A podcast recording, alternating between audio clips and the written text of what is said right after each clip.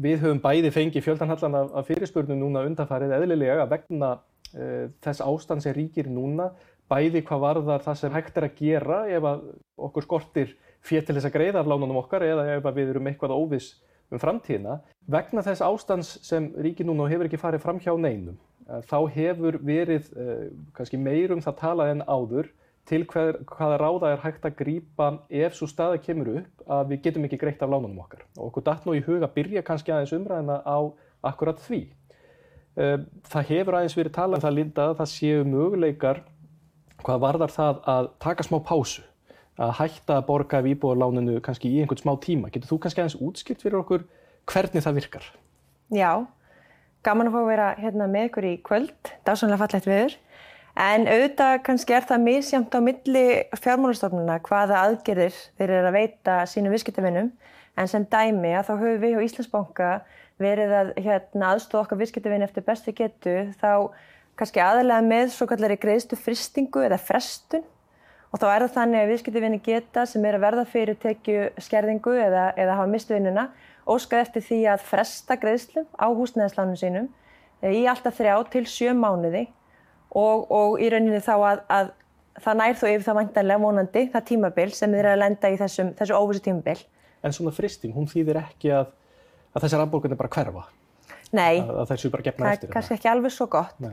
En það er það þannig að, að hérna, láni sem þú ert með í dag þá ert óskæftir sér fristingu eða frestun á greiðslum sem að veldur því þannig að þú ert ekki að greiða af lánuðin í 37 mánuði fyrir eftir hvað fólk er að sækja um og þá lengist lánstíminn um þann tíma sem þú ert að, að fresta því að greiða af lánuðinu. Já, en það verður samt þannig að það ekki að að lokinni þessari fristingu að þá ætti fólk ekki ráð fyrir því að það ekki að greiðslubyrjum verða eins hærri? Jú, það er þannig að, að hérna, þegar þú ert óskæftið svona fristingu það sem gerist er að þá fara þessar greiðslur aftast á lánið, bara lengist lánið sem ég segi, Já. en það er vaksta greiðslu sem hefði orðið á því tímbili sem múrt ekki að greiða lániðinu, er bætast ofan á höfustólun á láninu og síðan er það, þann sákostnaður dreifður út í rauninni út lánstíman. Já. Þannig að það má búast við því að eftir fristinguna að þá hækki greiðslubyrjun af, af láninu örlítið. Já segjum sem svo að ég sé í þessari stöðu og, og ætla að leita til bankans með svona fristingu eða frestun, hvað er ég að gera? Við hvetjum fólk sem er að lendi þessum og er í þessum aðstæðum að, að ekki býða, heldur bara hafa strax samband við sína fjármálastofnun og við hjá Íslandsbanka höfum verið að hvetja fólk til að annarkort panta sér tíma hjá ráðgjafa, við erum að bjóða upp á svona síma tíma hjá ráðgjafa þar sem hægt er að fara yfir sín mál og svo er líka bara hægt að óska eftir svona uh, hérna, úræði bara beint á heimasíðu bankans Já. og það er bara þá sendur einn fyrirspurn í gegnum heimasíðun og hvetju fólk bara eindreið til að skoða það. Það eru mjög góður og ítalar upplýsingar um þetta á síðu, heimasíðu bankans. Það er myndið ágætt að, að ítrekka þetta að útibú bankans opna ekki aftur fyrir enn 11. mæ. Akkurat. Uh, og, og, en þrátt fyrir það að þau verði opina þá höfum við verið að hvetja fólk til þess að bóka sér tíma í símaráðgjöf. Það er líka bara ágætt að vera búin að bóka sér einhvern fastan tíma, gera ráð fyrir því að hafa nægan tíma, setjast í símanum og tala við sérfræðing. Það er ekki um þessi mál. Jú, og í dag eru rífilega þúsund umsóknir, hafa, hafa okkur borist rúmlega hérna, þúsund umsóknir um, um svona svo kallega skilmála breytingar eða um frestun. Um þúsund umsóknir? Já. Já. Þannig að það eru greinilega bara mjög margir sem að eru að leita ráða og, og óska eftir hérna, aðstof frá bankanum. Já. Uh, hitt sem að við tölum nú um að, að, að ræða eins um hér og er nú það sem að mér sýnist flesta spurningarna sem við höfum þegar fengið snúast um. Það er endurfjármögnun lána eða það ef ég ætla að gera einhverja breytingar á mínu láni. Og endurfjármögnun auðvitað þýðir það að ég greiði upp láni mitt og tek nýtt lán. Uh, það sem hefur gerst á, á undanfjöldnum misserum og undanfjöldnum árum er það að Um, bæði hefur kostnæðurinn ekki svolítið breyst við það, kannski orðin aðeins viðráðlegri við það að endur fjármagna en þetta, við heyrum þetta líka miklu miklu oftar. Og þú skrifaði einmitt greinu það lenda í morgumblæðið núna dögunum, var ekki síðustu viku mm -hmm. þar sem þú varst aðeins að tala um þetta sko, hvernig er, er þessi endur fjármagnun uh, í raun og veru? Sko, hverjir er að endur fjármagna þar sé að hversu hvernig er líka verið að endur fjármagna getur kannski aðeins útskipt það fyrir okkur? Já við höfum bara verið að sjá mjög mikla aukningu í eftir, nei, hérna endurfjármögnum segja ég, síðustu bara ár, mánuð og ár og það er kannski alveg skiljanlegt þegar við erum að, að hérna, skoða eins uh, þær aðstæði sem hafa breyst og hvernig þær hafa þróast, við skiltum vinnum í hag, það er að segja að vextir á húsnæðislánum eru í sögulegu lámarki í dag og hafa verið að lækka undanfarnar mánuði. Uh, það er líka þannig að kannski kostnæðurinn við endurfjármagna er ofin viðráðanlegri. Uh, það er auðveldra aðgengi að svona sjálfvirkum lausnum þar að fólk getur svolítið uh, endurfjármagna þegar því hendar. Það er ekki lengur, það þarf ekki að koma í bankan á milli 9 og 4, Já. sapna gagna og allt þetta sko. Það, eru, það eru fleiri ástæðir fyrir því að fólk er endurfjármagna. Til dæmis eins og fastegnamat hefur verið að hækka. Já. Það gefur fólki líka kleift til að, að samina lán, segjum sem svo að þú sért með grunnlán og viðbótarlán, svo kallið A og B-lán, Og bílán er miklu dýrara. akkurat, það er á herri vöxtum, að í þessu árferði sem við höfum verið í, þá kannski gefst fólki, fólki tækifæri til að samina þessi lán í eitt lán og þá hegst þær í kjörum og, og hérna uppgreiðsligjöldin svo kalliðu, uh, lán sem að eru með fasta vexti og ber uppgreiðsligjöld, sá útreikningur hefur breyst aðeins, þannig að það er oft á tíðum uh, orðið ódýrar að endurfjármagna fastvaksta lán heldur en áður var Já. og svo framvegs. Þannig að þetta kannski, þú tekur þetta allt saman, uh, útskýri kannski líka aðeins þá þróun sem verið hefur, þar að segja þessu aukningu. En á sama tíma erum við líka að sjá mikla aukningu í óverðtrið húsnæðislan. Já. Og fólk er að velja það að endurfjármagnalánu sín í óverðtriðu og núna upp á síkasti höfum við séð mikla aukningu í svo kallum hreinum óverðtriðum lánum. Sem eru bara overtryggt. Já, þá er fólk að velja að setja alla fjárhæðina, lánsfjárhæðina í óverðtryggt. Það var svolítið þannig áður að fólk var að skipta lánunum sínum. Þú kannski tókst helming verðtryggt, helming óverðtryggt eða 60-40% eitthvað svoleiðis. En núna erum við að sjá miklu aukningu í, í svo kallur hrein óverðtryggt lán. En það er kannski ef við horfum aðeins hérna og, og þá er þetta fólk líka að velja sér breytilega vexti. Já. E, frekar heldur en fasta vexti. Sem þýðir að þú veist ekki nákvæmlega hvað, hvaða vexti þú borgar eftir einhver örfá mánuði. Þú ert ekki búin að festa þessa vaksta prósundu í einhvern, einhvern ákveðin tíma. En fasti vextir eru ekki fastir út allan nánstíman. Ekki Nei, alltaf. akkurat. Sko, hérna, ég reyna, ég vil ekki flækja of mikið, þú getur valið sérst um fasta vexti eða breytilega vexti á bæði óverti og verti lán.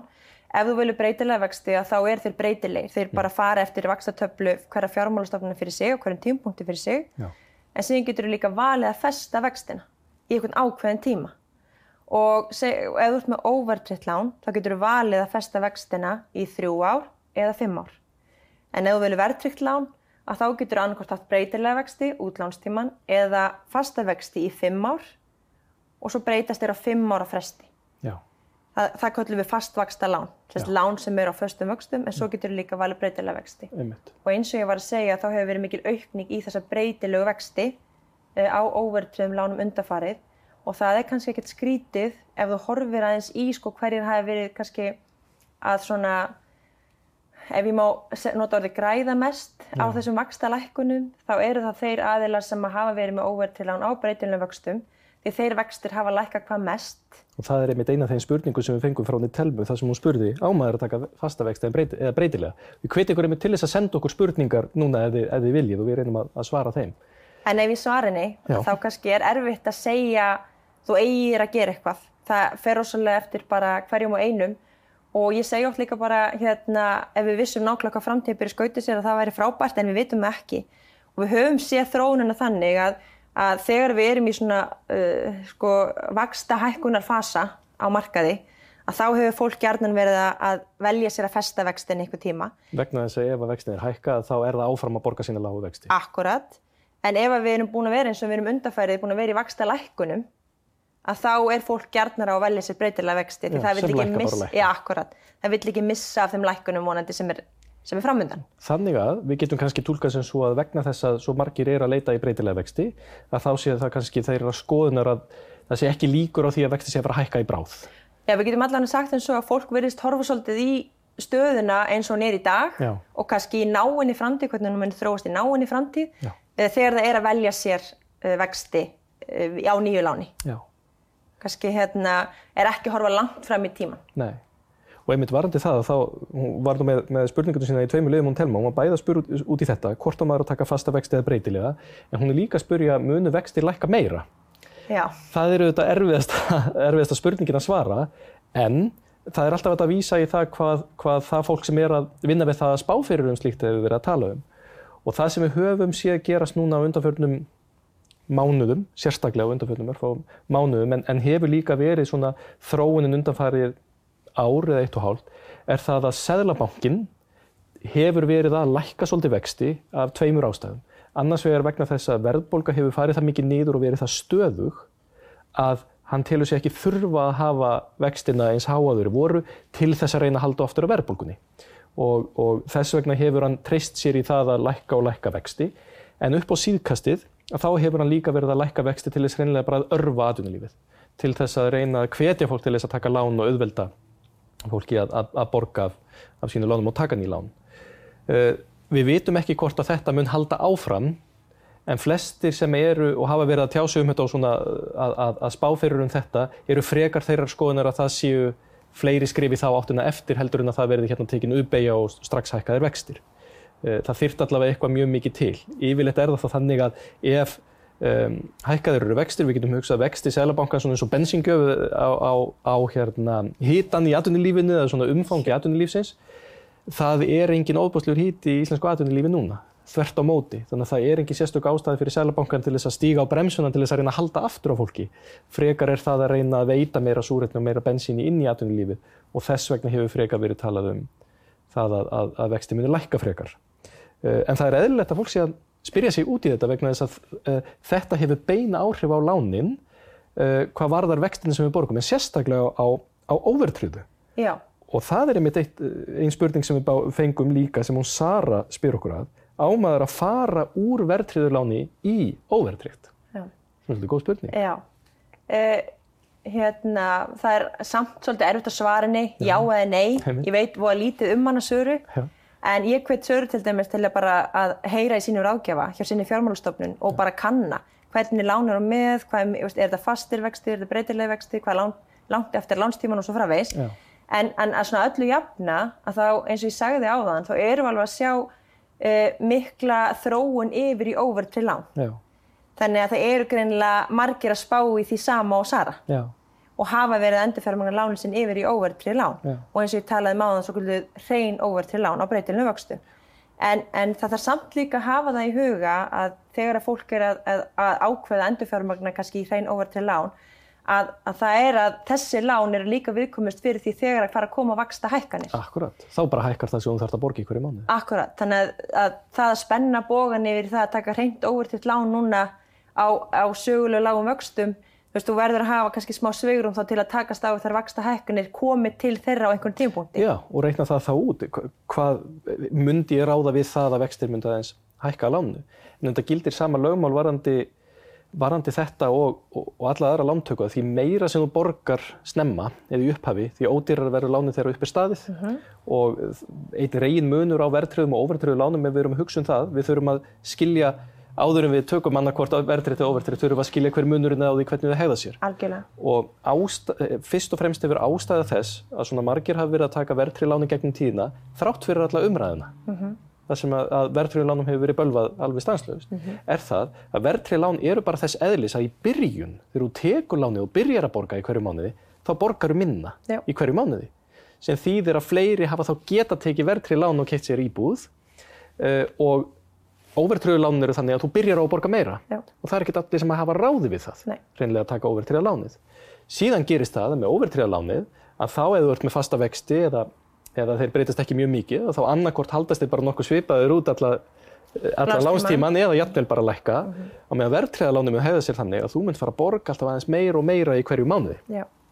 Þannig að vegna þess að þú byrjaður á að borga minna verðtræðalánum þá verður það dýrara þegar upp er staðið og þess vegna er maður í rauninni verðlunaður fyrir það að reyna að borga mikið í, í upphafi og þess, það er í rauninni einn helstu rökin fyrir því að, að, að fólk hefur svona verið að reyna að færa sig yfir í overtrið fyrir utan það þá veit náttúrulega nokkurn veginn að láni sé að lækka í hverju mánu. Já, en, en af því sögðu þá eru bara sumir sem kjósa til dæmis að hafa láni sín í verðtröðu. Og eins og þú kemur inn á að þá var það lengi vel, til dæmis eins og fyrstu kaupendur sem voru að reyna að komast inn á markaðinn, þá var ekkert í bóði fyrir þá að taka over til lán. Nei. Bara einfallega vegna þess að þeir höfðu ekki te tekjurnar til að greiða af þeim lánum. Já. En síðan líka er fólk sem velur að hafa verð til lán og, og kýsa greiða bara til, til að lága fjárhæð af sínu láni á, má, á mánuði Já. og notar þá peningin í eitthvað annað. Þannig að það eru alveg skipta skoðanir á því svona hvort þú viljið taka verðtrið þegar þú ert fritt en eins og ég sagði þá er það bara svolítið personabundið og hveti hvern og einn bara til að heyri sínu ráðgjafa og fara yfir sín markmið, hvað hann vil Já. og taka svona ákvörðun út frá því. Uh, varðandi það að, uh, að endurfjármagna núna á þessari tímasetningu, það er alltaf erfiðstu spurningarnir eru á ég að gera þetta núna. Uh -huh. uh, hann árni spyr væri skynsanlegt að endurfjármagna núna eða býða aðeins eftir að vexti lækkuðu enn frekar og endurfjármagna þá með föstum vöxtum. Þannig að hann er þá veintalega að tala um það eða það ekki að ef hann býður aðeins þá kannski lækka þeir aðeins meira en mun ekki lækka meira en það þá festi ég vextina þannig að ég sé með fasta vexti þegar þeir fara að hækka aftur. Já. Við erum náttúrulega aðeins búin að tala um þetta og munin á, á föstum og breytilugum en ef hann, ef hann hefur upplýsingar um það hvað Sælabankin ætlar að gera næsta þá er er vita ágætt. já, já. En jú, ef hann er þeirra skoðunar ef hann hefur, telur þessu mjög miklu líkur að vexti munu lækka enn frekar þá náttúrulega getur verið skynsilegt að býða eins. Já, og varandi sko hvenær er þetta tímpunktum til endurfjármagna, Já. ef við kannski koma aðeins inn á það líka, að þá hérna, hefur við kannski verið að tala um svona þumaputareglan er svo að ef að vextir, markasvextir, uh, hafa lækkað um 1% eða Já. meira uh, frá því að þú tókst lánið uppaflega, það er að segja að þú ert með lán og ef að uh, þú getur tekið nýtt lán sem er á 1% eða meira lægri vöxtum, Já. lægri vöxtum heldur en það lán sem ert með í dag, að þá kannski borgar að segja að skoða hvort það sé skynsilegt að endurfjármagna. Já. Og svo er það líka bara eins og ég var að koma inn á áðan, ef, það- það er komin eignamyndun og fastegnaverði hefur hækkað, þú getur tekið til í lánunum þínum, lækka vaksta kostnað og svo framvegs. En það er ekki endilega bara það að þú endur fjármagn í lánið á læri eh, hérna, vöxtum, það er líka hægt að skoða það að stytta í lánstímanum, það er að breyta, það er að festa vexti og svo framvegs. Það er að stilla upp eins og endur fjármagnin er, þetta er bara nýtt lán sem þú getur stilt út, út frá bara nýjum fórsendum. Já. Við vorum að fá spurningu hérna frá henni Berglindi Já. sem er mjög áhugaverð. Hvað megum við búast við að vextir geti orðið háir? Hærri en 7,5% eins og þeir voru uh, rétt eftir hrun? Já, já, þeir gætu það alveg. Það, er, ein- það eru í rauninni engin... Uh, Það er ekkert hámark. Það er ekkert sérstætt hámark á því hvað vextir geta verið háir. En við getum sagt að það þurfa þá að vera mjög góðar ástæður fyrir því að vexti fara það hátt og öllu líkindum mun það þá byrja hjá Sælabankunum. Um, þannig við getum sagt það Berglind að ef Sæðlabankin ákveður að hækka vexti það mikið að overtriðu vextir séu komnir í 7,5% eða jættvel meira sem að fyrir flesta væri væntalega mjög dýr afborgun í hverju mánuði þá getum við reikna með því að, að annarkort sé efnahagslífið hérna farið á þvílíkan svakalegan yfirsnúning og, og allt komið á fljúandi siglingu eða að Sæðlabankin hafi ákvæmlega miklar ástæðu, eh, ástæðu til þess að óttast verðbólgu og haldi að með því að hækka vexti sé hægt að lækka verðbólguna. Þessar aðstæður eru ekki uppi núna og það þarf talsvert til þess að það gerist. En við skulum aldrei útiloka það allra síst á Íslandi að þetta geti gerst. En, Eh. en ef að segjum svo að fólk sé eitthvað að, að hérna, setja það fyrir sig að velja ó- hérna, breytilega vexti eftir það er hrætt um að vextir fari síðan að hækka eitthvað Já. komandi, komandi mánuðum, e, þá er líka alltaf hægt að, að sko endur fjármagna lánin, það kostar ekkert að endur fjármagna lán sem eru á breytilegum vöxtum. Og það er líka hægt að setja svo kallar vaksta þak, það er að segja að þú fest, Já. er til dæmis með overtrið lánin, þá getur þú sett svo kallar vaksta þak á, Og nú eru vextinir hjá Berglindi kannski konur upp í 7,5%, Já. hún getur ekki lengur borgað í hverju mánuði og þá er hægt að vera með eitthvað þak sem er lærra Já. og það sem er umfram borgar hún setna. já, það virkar rauninni þannig í praktís. Já. þá er lánið svona pínu kannski farið að hegða sér eins og verðtritt lán Já, en þá er þetta, þetta virkar þannig að, að hérna, þú ert oft búin að fyrirfram skilgreina hámarkið þitt, já. skilur mig, á breytilegu Og vöxtum. þetta gerir maður bara með sínum rákjöfa. Já, akkurat. Það er gaman að sjá hvað eru margar sp- spurningar að, Nú, að skila sér inn. frábært. Uh, Marolína hún spyr, af hverju lækka ekki verðtriðu lánin þegar verðbólgan er svona lág? Mm. Sem er, er mjög góð spurning. Sko, til þess að verðtriða lánið um, lækki hreinlega, óháð því hvort þú hafi borgar inn á það eða ekki, það þarf að vera verðhjöðnun. Það þarf verðlag að hafa lækkað á milli mánuða. Þetta gerist yfirleitt, eða þetta getur gerst kannski einu sinni tvisar á ári, yfirleitt er það í kjölfar útsölu. Þegar það hefur er- útsala í mánuðum þá vitum við það bara er kannski að lækka svolítið. Stundum gerist það. Nákvæmlega og prófiði það að sjá það eftir, eftir útsölur hvort að verðtræðalánið eitthvað lækka eitthvað.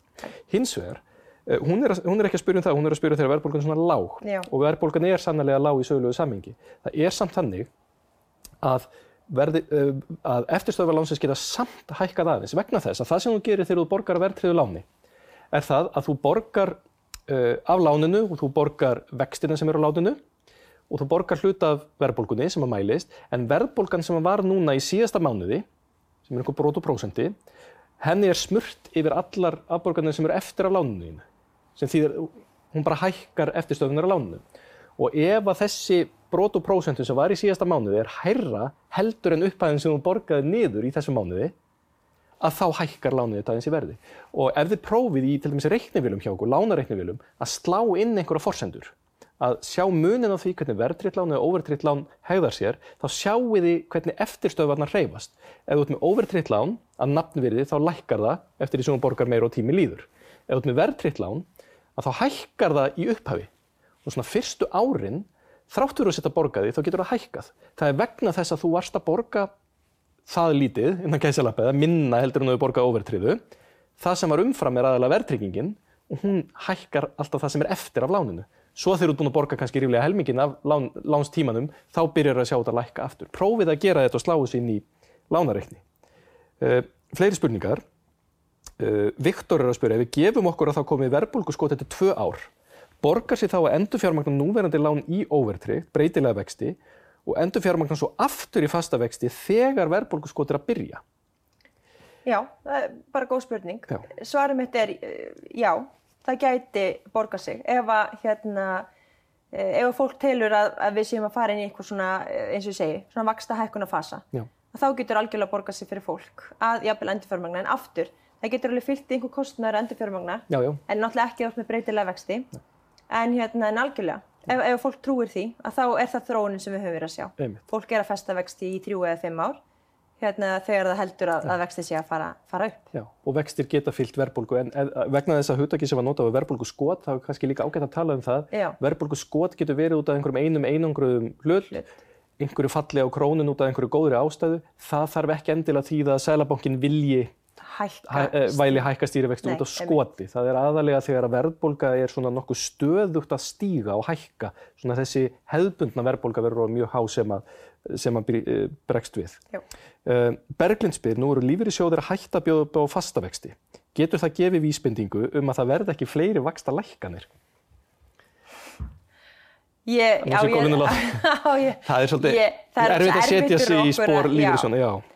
Þeir eru náttúrulega bara með uh, allt annað svona umhverfi Já. heldur en við og eru kannski ekki alveg að spila eftir sömu reglum. Nei, Þannig að það er rosalega erfitt fyrir okkur að svara þessa spurningu. Ég Já. held ég verði bara að vera alveg, alveg hreinskilin. einmitt. Uh, Eva spyr, af hverju eru vextir svona mikið hærri hér en í þessum löndum sem við berum okkur svo oft sama við, til dæmis hér í Norðurlöndin, sem er mjög góð spurning. Um, við erum uh, mjög stór meiri hluti heimsbyggðarinnar býr við miklu hærri vexteldir en á Íslandi uh, og hefur gert það að undarförnu. Það sem við hins vegar berum okkur saman við er það besta í heiminum sem eru vextir í norður og vestur Evrópu og það er alveg satt, þar hafa vextir verið læri. Uh, við höfum núna verið að nálgast á vexti sem að þessi lönd voru í fyrir nokkrum árum. Ástæðan fyrir því að það er ennþá svona mikill munur á okkur og sumum löndum. Það er ekki ódýrlega til dæmis að taka fastegnalán endilega í bandaríkjunum heldur en það er, er hérna núna í dag. En ástæðan fyrir þessi munur hefur verið er frekar sá að löndin í kringum okkur hafa verið að keira niður vexti mjög mikið á undanförnum missurum og árum. Og ástæðan er svo, að, og það kemur ekki til að góðu. Uh, það er ekki vegna þess að, að, að það eru góðar efnaðarslegar ástæður fyrir því að, vexti séu lækkaði svona mikið. Vextir voru á því róli sem að væntalega flest löndin í kringum okkur hafa viljað. Síðan eru vextir lækkaði rétt við niður í núli eða niður fyrir það til þess að reyna örfa hagkerfin í kringum okkur sem að gengum mjög illa að örfa. Hér hefur það ekki þurft fyrir en eiginlega núna Nei. og þess vegna er mjög áhugavert að sjá það hversu mikið vil Sælabankin fara niður en það sem var áhugavert að heyra á, á fundi Sælabanka fyrir nokkur síðan heldur við síðustu uh, vaksta ákvörðun, minni mig, var það að það var ekkert útiloka það að raunvextir, sem eru sem sagt vextir Sælabankans mínus verðbólgun í landinu, færu í, í mínus. Uh, þannig að það, það er svolítið nýtt á Íslandi. Hvað myndi, svarið, hvað myndi það þýða fyrir, fyrir hérna, þá, það fólk sem er með húsnæðislán? ef að, ef að uh, vextinir húsnæðislánum væri þeir sömu og þessi stýrivextir, að þá væri fólk í rauninni nánast að fá að borga með lánum sína. Sem er það Að sem við höfum verið, já, Það er ekki ennþá komið að því. nei, En, en, en ef, ef, að, ef, að, ef að svo yrði þá verðum við komið í þá stöðu sem er náttúrulega ekki merkjum eitthvað sérstætt heilbrið í efnaðslífinu. Þannig að sp- spurningin er uh, mjög góð. Af hverju eru við að borga svona miklu hærri vexteldir í löndinni kringum okkur? Og ástæðan sögulega er svo, Íslands efnahagslíf hefur verið alveg ofbáslega sveiflukent og Sælabankin hefur talið sér þurfa að vera með háa vexti til þess að hemja sveiflunar og einhverju leiti til þess að reyna að trekja fjármagn hinga til landsins. Þetta hvort tveggja er frá, þess vegna hef, hafa vexti lækkað svona mikið en þeir gætu svo sem lækkað aðeins meira. Uh, meira, Elín Óla, hún spyr, ef maður er með ágæta greiðslugetu hefur svirum til að henda inn á lánið í hverju mánuði, mjög góð spurning, gæti þá verið hagstætt að vera með verðtritt lán með minni greiðslubyrði í grunninn og borga þá aukalega inn á höfustólinn. Þetta er auðvitað eitt sem við nefndum ekki. Það er með því að gera þetta, Já. þá auðvitað stopparu láni, þá mun það ekki hækka svona eins og það gerir venjulega. Já, þá, þá kannski hérna, hættir verðtryggingin að, að hafa svona mikla, mikil áhrif á lánið. Já. Því þú ert í raunin að greiða hana, þessa hækkun sem Já. að yrði á höfustólinu mánuði, Borgar hana bara aukalega. borgarna aukalegin. Já. Þannig að þetta er vissulega einn valmöguleiki fyrir fólk, en ég er alveg, hérna, kannski glemt að koma inn á það ef, að, ef að, hérna, fólk hefur tök á því að vera að greiða inn á lánin sín, að þá er það alltaf þeim til, til bóta. Já. Því það er bara þannig að þá ert að lækka urinni vakstakostnaðin sem að, og draga úr bara eins og ég segi, kostnaði við, sko, heilda landtökukostnaði. Já. Það eru tvær spurningar sem eru komnar hér varðandi uh, það að nota sérignarsparnað. Það voru hún Heiða og Hilmar. Sko Hilmar spyr um það hvort það sé rálagt að taka út viðbótalífeyri sparnað til að greiða niður húsnæðislánin, til dæmis ef maður er að, að klára lán. Og um, við rættum um það hér fyrir tveimu vikum og þið getið kynnt ykkur allt um þetta inn á webnum okkar íslandsbanki.is að núna er tímabundið, eða það er að segja til áramóta, munið þið hafa frestilis að sækja um það að taka út sérnarsparnaðina hámarki 800 krónur á mánuði í, í 15 mánuði, 12 miljónir í heildina fyrir skatt, um, óháð aldri. Uh, nú, nú er þetta mjög svona persónulegs eðlis hvaða skoðum maður hefur á því. Uh, ég er þeirra persónulegu skoðunar að, eigi, að það sé góð ástæði fyrir því að sérnarsparnað var með 60 ára aldurstakmarki. Þið munið þurfa þennan pening þegar þið verðið eldri. Ef þið þurfið ekki á því að halda að taka út séregnina, þá skulið þið hugsa vandlega um það að leiði þessu kannski að vera áfram inni. Ef þið þurfið mjög mikið á þessu að halda, eða ef þið teljið mjög mikið haga því, að þá er þetta aðgengilegt og þá getið þið tekið séregna út. En munið þið samt eftir í hverju þið eru að fórna. Þið eru þá að fórna því að eiga þarna þennan spartna til þið verið eldri. En varðandi það sem Heiða var að spurja um, Uh, hún talar um það sko ámaður að nýta sér, ef maður er að nýta sér þær aðgerðir sem ríkistjórnin bauð upp á fyrir nokkrum árum, þar að segja að nýta sérnarspartna til að greiða niður höfustól, er hægt að halda því áfram á endurfjármögnuðu láni. Og kannski getur glögguna varandi það, þessi til dæmis ráðstöfun, það sem er látið mánaðilegu yðgjöldin sem þið og vinnan ykkar eru að borga bara beint inn á höfustólun og lánu, þetta er skattfrjáls ráðstöfun og þetta er ennþá í gildi og gildir út, næst, uh, út júni og næst ári. En hvað með þetta? Heldur þetta áfram ef maður endurfjármagnar lánið sitt? Já, stuttasvarið er já, þetta heldur áfram. Eh, Þú þarft eins og vera að skilja nýjum upplýsingum til eh, hérna, ríkiskattstjóra, bara um nýtt lán. Já. En þá er rauninni bara, þetta bara, þú ert bara að fara að segja, heyrðu, ég vil freka fá innborgunin og þetta lán heldur en hitt og það bara heldur áfram. Skráir þið bara inn á þitt svæði inn á skattinum Já, bara inn á leiðriting.is. og segir þeim frá nýja lánu. Já, bara setur upplýsingar um nýja lánið, þú þarft að skilja inn einhverjum pappirum Já. og fjármálastofnun þín útvegar þér rétt skjöl sem þú ert að setja inn og þú bara sækir um þetta og svo fer þetta bara í ferli hjá honum og hann, hann hérna bara byrjar að greiða inn á nýtt lán. Já. Bara það er ekkert mál. Einmitt. Uh, ég glemdi með nefna það að Helga Lind var að spurja akkur þessar spurningu sem vorum að nefna áðan um það hvort það væri ekki skynsalegt til fremst að megni að reyna að greiða inn á höfustólinn til þess að stoppa þessa hækkun á Já, verðtryggingunni. akkurat. Mér er ofsalega Já. góðu punktur. Um, Sindri er að spurja, hver, hver er raunverulegur hagur lántaka af verðtryggulánum? Þar sem afborganir ná ekki raunkostnaði lánsins hvern mánuð og umfram upphæð safna vöxtum í óhaf uh, lántakana. Hann er í rauninni að tala um ná, þessa hækkun sem verður á verðtryggða lánu. Er verið að gera fólki kleift að kaupa dýrari eign en við komum til ræðu við með því að greiðslumöld með að við upphafs afborganir ekki raunkostnað heimilisins? Sko, hver svo sem ætlun er, Já. og þá er þetta raunverulega að virka þannig, Já. prófið að fara í gegnum reiknivél, í gegnum bráðbæra greiðslumat á, á vefnum og sjáu þið bara hver munurinn verður á greiðslugetu ykkar að verðtrið og overtrið láni. Reyndar er munun svona. ekki það mikill í dag. Ekki í dag, ekki eins mikill, En hann, til dæmis að þú hoppar 2-3 ár aftur í tíman, Já. þá var munurinn umtalsverður. Þannig að, að eins og Björsi segir, að prófið að fara á vefinn og leika ykkur en aftur, það, það er kannski aðeins minni munur í dag, einfallega vegna þess að vextir að breytinu lánum hafa verið að lækka svona mikið. En, en það er tilfellið, en svo kannski líka bara er þetta snýst um val. Það eru bara, hérna, varandi hag, hérna, viðskiptavinnar, ég veit ekki, en þetta er, fólk hefur allan að val um að taka verðtrygt eða óverðtrygt. Og svo getur verið margvíslegar ástæður fyrir því að fólk tekur verðtrygt, Já. eins og ég kom aðeins inn á. Einmitt. Uh, það, ég held að þessi nú tími fyrir eina spurning á lokum hérna hjá okkur og það er, er uh, spurningi sem Bjarni spyr. Hvaða kostnaður fylgir uh, því fyrir lántaka að endur fjármagna lán? Og þú einmitt talaður um að það er kannski minnsjátt á milli lánastofnana, en það er líka ágætið það ekki að fólk áður en að það farið að staðmeta og áður en maður er svona að fara að reikna sig í gegnum hver hagurinn er, að ekki bara er ákveðin munur á milli lánastofnana, það getur verið alveg svakalegu kostnaður í ákveðnum tilvikum og til dæmis eh, ef þið eigi gamalt lán eða svona þarf ekki sinni að vera mjög gammal til íbúðalánasjóði, þá getur verið ákaflega hár kostnaður við það að greiða niður lánið. Kanniði það fyrst áður en þið farið af stað. Sömuleiðis að þá er alltaf heimil til þess að greiða eina miljón aukalega inn á íbúðalánatæki á hverju ári, þrátt fyrir að það íbúðalán beri uppgreiðslukostnað. Hérna, þú ert vantanlega að, að tala um svona uppgreiðslugjöld. Það er að segja kostnaðin við að greiða upp lán.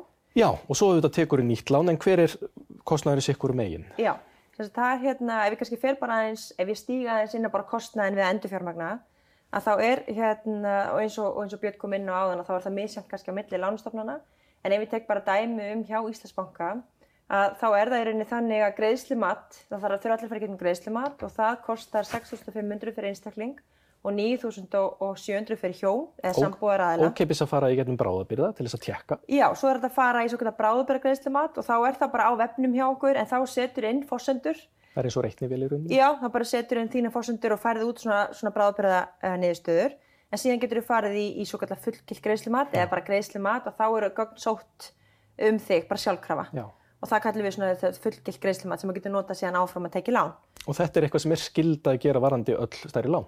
Já, við, við gerum þetta eða allir aðilar eða einstaklingar ekki um greiðslumat þegar sóttur um endurfjármögnun og, og hérna inn í þessu ferli geta síðan viðskiptavinnir bara sjálfir stilt upp sínum lánum, leikið svo svolítið og séð og borið saman þá greiðslubyrði sem eru að greiða í dag hérna á móti þeirri nýju greiðslubyrði eftir því hvernig þú hreyfir við nýju láni og svona metið að hvort það vilja hækka eða lækka eða, eða svona þannig að þú fær betri tilfinningu fyrir því hvað er að breytast hjá þér. Já. Það er eitt sem ég langar að benda ykkur á varandi þetta, prófiði sem er svona kannski smá rálegging að skoða í lokin. Ef að þið hafið sömu greiðslugetu áður, það er að segja ef að þið eruð að hugsa um að endur fjármagna án þess að þið hafið uh, lækkað í tekjum til dæmis eða hafið á- áhyggjur af þeim hluta og þið hafið á, áhuga á því að borga lánið ykkar nokkuð skarpt niður, prófið að stytta lánstíman á móti. Þá getur verið að þið haldið áfram að borga það sama í mánuði þótt þessu komið læri vexti, Akkúrat. klári bara lánið fyrr. Já, það er bara mjög góða punktur og inn, þarna inn í þessu viðmóti er hægt að leika sér svolítið. Það er hægt að hækka verðbólgu, það er hægt að hérna, breyta lánstímanum, það er hægt að velja fast og breytilega vexti og allt þetta sem þau eru búin að vera að spyrja okkur um. Þú getur svolítið fengið betri tilfinningu fyrir því þarna inni. Akkurat. En, en varandi kostnaðinn, að þá er þetta greiðslumatið, kostnaðin við það. Síðan er það lántökugjöld og það er 59.000 og það er först krónutala, alveg óháð lánsfjárhæð. Það er ekki eins og prósentan sem var áður. Nei, akkurat, það er búið að breytast. En síðan er það náttúrulega þessu uppgræsli gjöld, það er að segja að þú ert að taka nýtt húsnæðislán og greiða upp lánið sem er núna á eigninniðinni.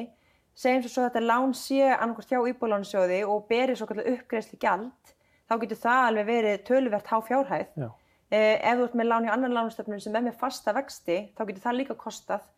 Eh, það fyrir eftir hversu langur tími er eftir að fastvaxt tímabilinu, hversu há fjárhæð það er. En þó svo að lán séu með uppgjörsleikostnaði, þá getur líka alveg verið að borgi sig endur fjármagna það. Já. Af því þú færð það tilbaka í lægri vaxtakostnaði yfir heilt yfir á nýju láni. Eh, síðan er það svona annar kostnaður sem er svona eins og skjalagerð eða þinglýsingagjald eða svona bæði ofnbær kostnaður og, og annar kostnaður og það getur farið svona, myndi ég segja svona 10-20 þúsund eftir bara fjölda lána og, og flækjusti og svo framvegis. Ok.